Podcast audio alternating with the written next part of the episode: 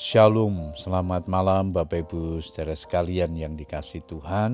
Kita bersyukur kepada Tuhan kembali malam hari ini. Kita berkesempatan untuk datang berdoa kepada Tuhan setelah sepanjang hari ini kita menikmati segala kebaikannya. Malam hari ini sebelum kita berdoa kita akan bersama-sama belajar firman Tuhan yang malam ini diberikan tema Kristus telah bangkit. Ayat mas kita di dalam Matius 28 ayat yang ke-6. Ia tidak ada di sini, sebab ia telah bangkit, sama seperti yang telah dikatakannya.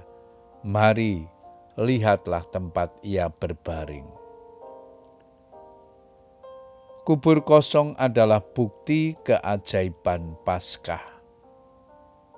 Kebangkitan Yesus dari kubur menegaskan bahwa ia hidup untuk selama-lamanya. Jadi Yesus bukan mati suri, hidup sebentar dan selanjutnya mati lagi untuk selamanya. Ini merupakan penggenapan apa yang dikatakan Yesus sendiri bahwa anak manusia harus diserahkan ke tangan orang-orang berdosa dan disalibkan dan akan bangkit pada hari yang ketiga.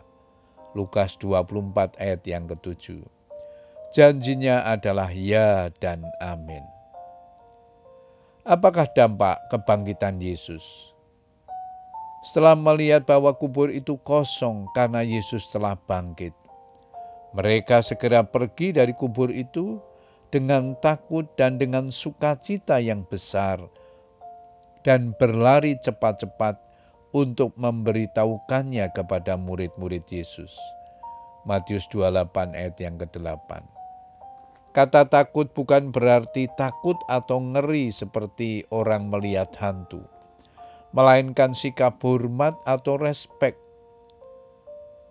Perasaan takut akan Tuhan mendorong seseorang untuk berusaha hidup benar karena ada perasaan gentar untuk berbuat dosa dan semakin gemar bersekutu dengan Tuhan serta melakukan firman-Nya. Hari Paskah adalah hari yang penuh sukacita karena dosa kita telah diampuni dan pengharapan kita akan Dia tidak sia-sia. Kebangkitan Kristus di hari yang ketiga juga bukti nyata bahwa Ia bukan hanya Sang Juru Selamat dan Penebus dosa, tetapi ia juga adalah Tuhan yang tidak dapat dikalahkan oleh maut atau kematian. Karena kita tahu bahwa Kristus sesudah ia bangkit dari antara orang mati, tidak mati lagi, maut tidak berkuasa lagi atas dia. Sebab kematiannya adalah kematian terhadap dosa, satu kali dan untuk selama-lamanya.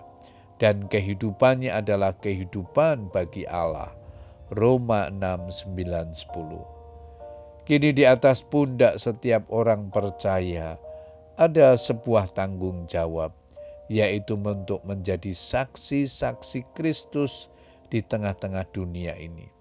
Membawa kabar keselamatan dan memberitakan bahwa Yesus adalah Tuhan yang hidup.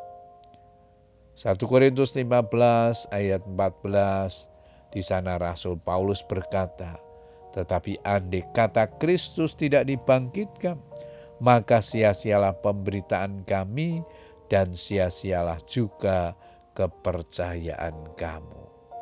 Puji Tuhan Bapak Ibu Saudara sekalian, hari ini kita mendapatkan kabar bahwa Kristus telah bangkit dari kubur.